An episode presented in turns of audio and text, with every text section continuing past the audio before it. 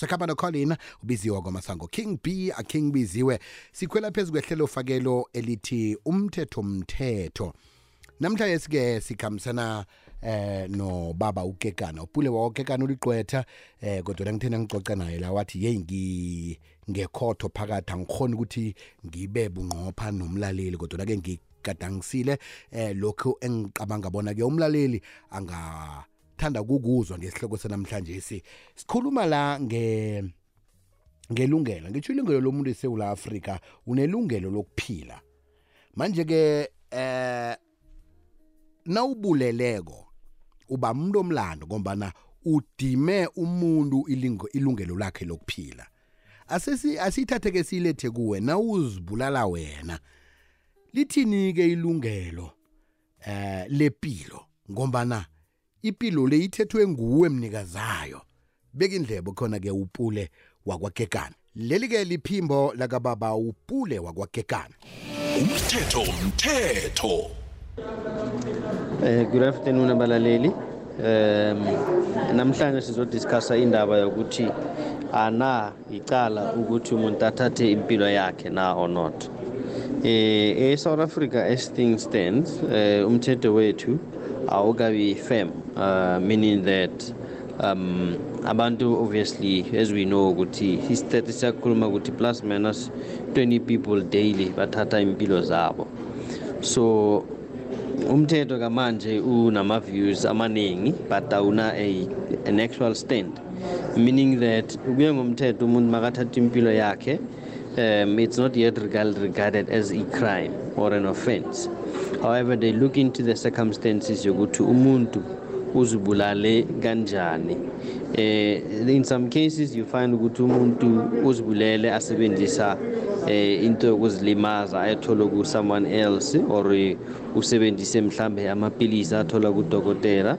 Eh kanjalo inokuthi ibe nenkinga um if they can find that ukuthi that particular person uku-assistile in committing uh, the crime the matter has been into the highest court, uh, the Supreme Court of Appeal, where the judges once emphasized ukuthi it all depends ukuthini um, you know, the facts zithini ngomuntu loyo or assisted a person who committed um, the murder. So mayikanjalo uh, we still remain uh, former chief justice arthur jaskelson naye wabhala ukuthi as impilo itself uh, it's a basic human right and one of the most fundamental right in south africa for one to have. Unfortunately on hamba ne-dignity people tend to misuse it. And maikanje um, it's still kind of out of the hands of um, intolena the south african or the constitution itself and the laws to legalize it to say that it must be an offense. Um, yona outright they look into the circumstances nokuthi how did the particular person commit um, such a murder or take his or her own life. So currently it's still under scrutiny and it's uh, something that's definitely going to be looked into um, in the future. So leyo futhi izofundisa abalaleli ukuthini ukuthi um, one of the most important and fundamental rights in South Africa is the right to life and at the same time life the right to dignity. Uh, in section uh, 12 leyo kune section lapha constitution it's section 36 ekhuluma ngokuthi regardless of rights lawa there are limitations meaning to a certain extent but unfortunately even the former justice Cheskalson naye wakhuluma ukuthi it's very difficult for one to include or obviously to link the issue limitation when one takes their own lives. So Maiganje it again takes us back to say that how do we, um, you know, confirm it as a criminal offense? Um, and it's very difficult to do that on obviously a lifeless uh, body or someone who cannot even answer uh, for oneself. So as South Africa, we take this issue Lena very seriously. That's why they have supportive groups that deals with into Panama suicide um, groups. If people are having issues, they are able to resolve them. Akonama Lifeline are assist and they are definitely there to assist uh, and for, for free others. And Interest Fernandez will help Abalaleli uh, whenever they're having issues insofar as taking their own lives is concerned. Um, another thing would be that um, if obviously it's to find that um, someone has assistant, then that's when it becomes a bit of an issue and when umteto can try and listen to. But um, currently, unfortunately, um, where we are, we are yet to see to it umteto usebenze fully and that this you know bill of rights this basic human right should not be abused um, you know by people who obviously are having issues.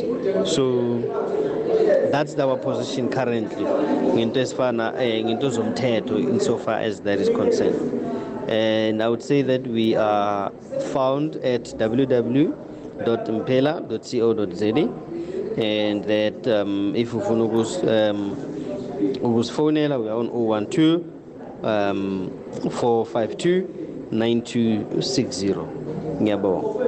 Sithokoza kakhulu kwamambala liphimbo leli ke eh sincabeze ngombana ke uyezwakala ukuthi ungekhotho ngaphakathi uthi hey eh, kuyabonakala ukuthi ke icala iskilo nje lizakuthatha isikhatshanyana ngiba ukuthi ngigadangise ngimthumele umlaleli.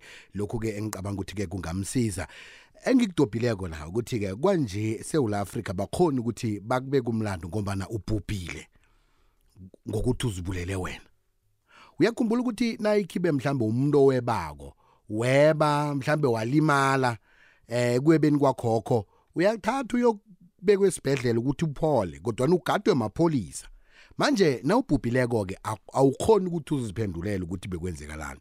Kodwa ke eh, engikudobhileko khulukhulu ukuthi wena muntu eh omsizileke ukuthi umuntu lwagcina zizibulala nawe uyaphenywa ukuthi bowazi na ngento leyo?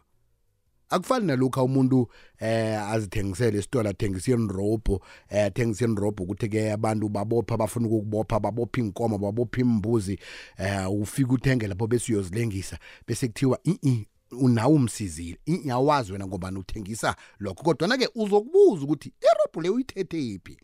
Kuzokufika nako ukuthi bowazi na umuntu lobongamboni ukuthi eh ngasuthi irobo le uyoziziphanyeka ngayo? Na umuntu ke othengisa imchogo uthengisa inhlahla eh nawe nakhibe mhlambe ukuthengwe kuwa amapele layo eh umuntu azibulala ngawo. Uyokubuza ukuthi ah kuvame kangangani ukuthi umuntu athenga amapele la kunganancwadi echoko ethunyelwa ngudokotela umnikele njani amapele layo kunganancwadi echoko umuntu uyathoma wathenga na? Uhloliwe ngaphambi ukuthi ke anikelwe amapele layo zinenge ezicalwa kodwa ke eh, siyaphandluluka ke la. Lihlelo fake lithi umthetho omthetho sibana loqobe ngomvulo ukuthi siphandlulane hlangothini lezomthetho. Zwileke bona ke ubathola njani? Ke ngilinge nje ukuthi ngiyidlale ekugcineni apha ukhona ukuthi eh uthole isizo labo nayikhibe mhlambe umuntu ofuna isizo lezomthetho. So that's our position currently. Ngento esifana eh, ngento zomthetho insofar as that is concerned.